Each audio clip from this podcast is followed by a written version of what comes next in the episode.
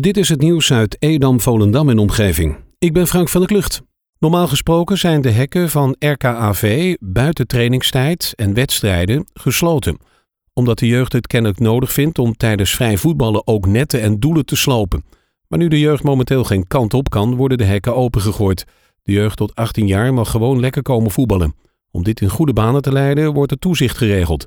De club roept trainers en ouders op om zonder specifiek schema af en toe ook even te gaan kijken. Omdat kunstgras en vuurwerk geen goede combinatie is, zullen kinderen met vuurwerk worden verwijderd. De velden zijn alleen tijdens de kerstvakantie open. In het Dijklander ziekenhuis aan de Heideweg in Volendam is sinds vorige week weer een ambulancepost aanwezig. De laatste keer dat Volendam een eigen post had is alweer zo'n 35 jaar geleden. De vestiging van het Dijklander ziekenhuis in Volendam is recent grondig verbouwd. Mede-eigenaar van het pand, Danny Steur, besloot hierop ook een ambulancepost te faciliteren.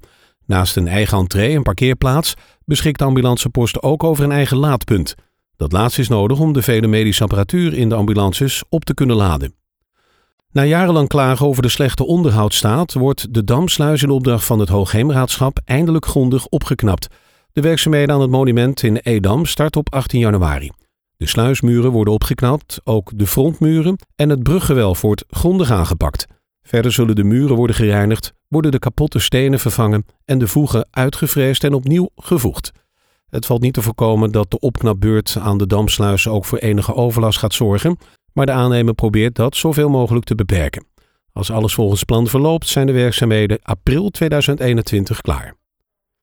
De gemeente Purmerend heeft gekozen voor de combinatie Bura Urbanism Lola Landscape Architects als bureaus voor de ontwikkeling van het gebied rondom de Waterlandlaan tot woonwerkwijk.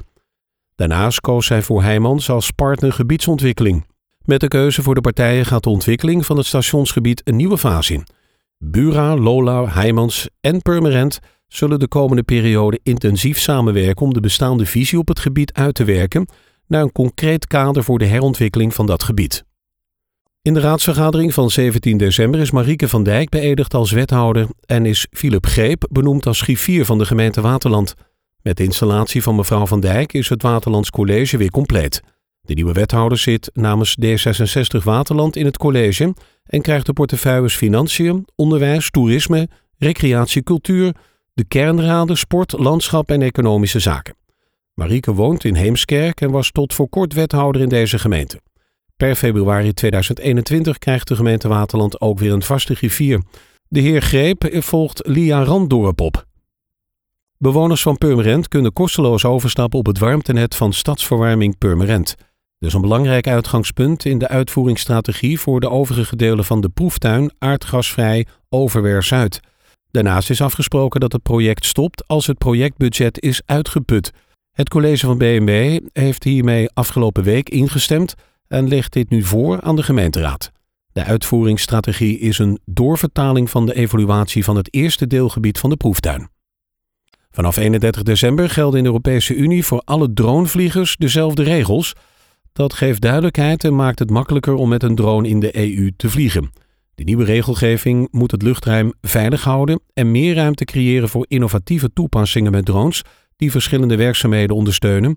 Denk bijvoorbeeld aan inspecties van bijvoorbeeld dijken, verkeersmanagement, het gebruik door media en toepassingen in de landbouw. Mensen die met een drone vliegen die zwaarder is dan 250 gram of een lichtere drone met een camera moeten zich vanaf 31 december verplicht registreren bij de RDW. Is de drone zwaarder dan 250 gram, dan moet er ook een vliegbewijs worden gehaald.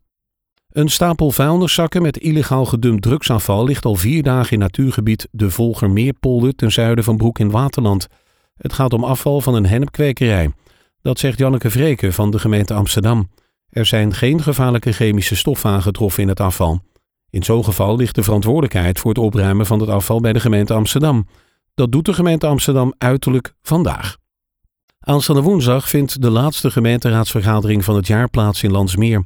Het belangrijkste punt van discussie wordt de hoogte van de OZB-tarieven. Afgelopen donderdag heeft de gemeenteraad in meerderheid de belasting- en legestarieven, belasting- en legestarieven voor 2021 weggestemd.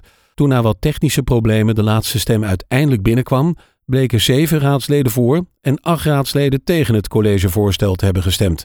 Daarom is besloten om een nieuwe vergadering te laten plaatsvinden. Tot zover het nieuws uit Edam, Volendam en omgeving. Meer lokaal nieuws vindt u op de Love Kabelkrant, onze website of in de app.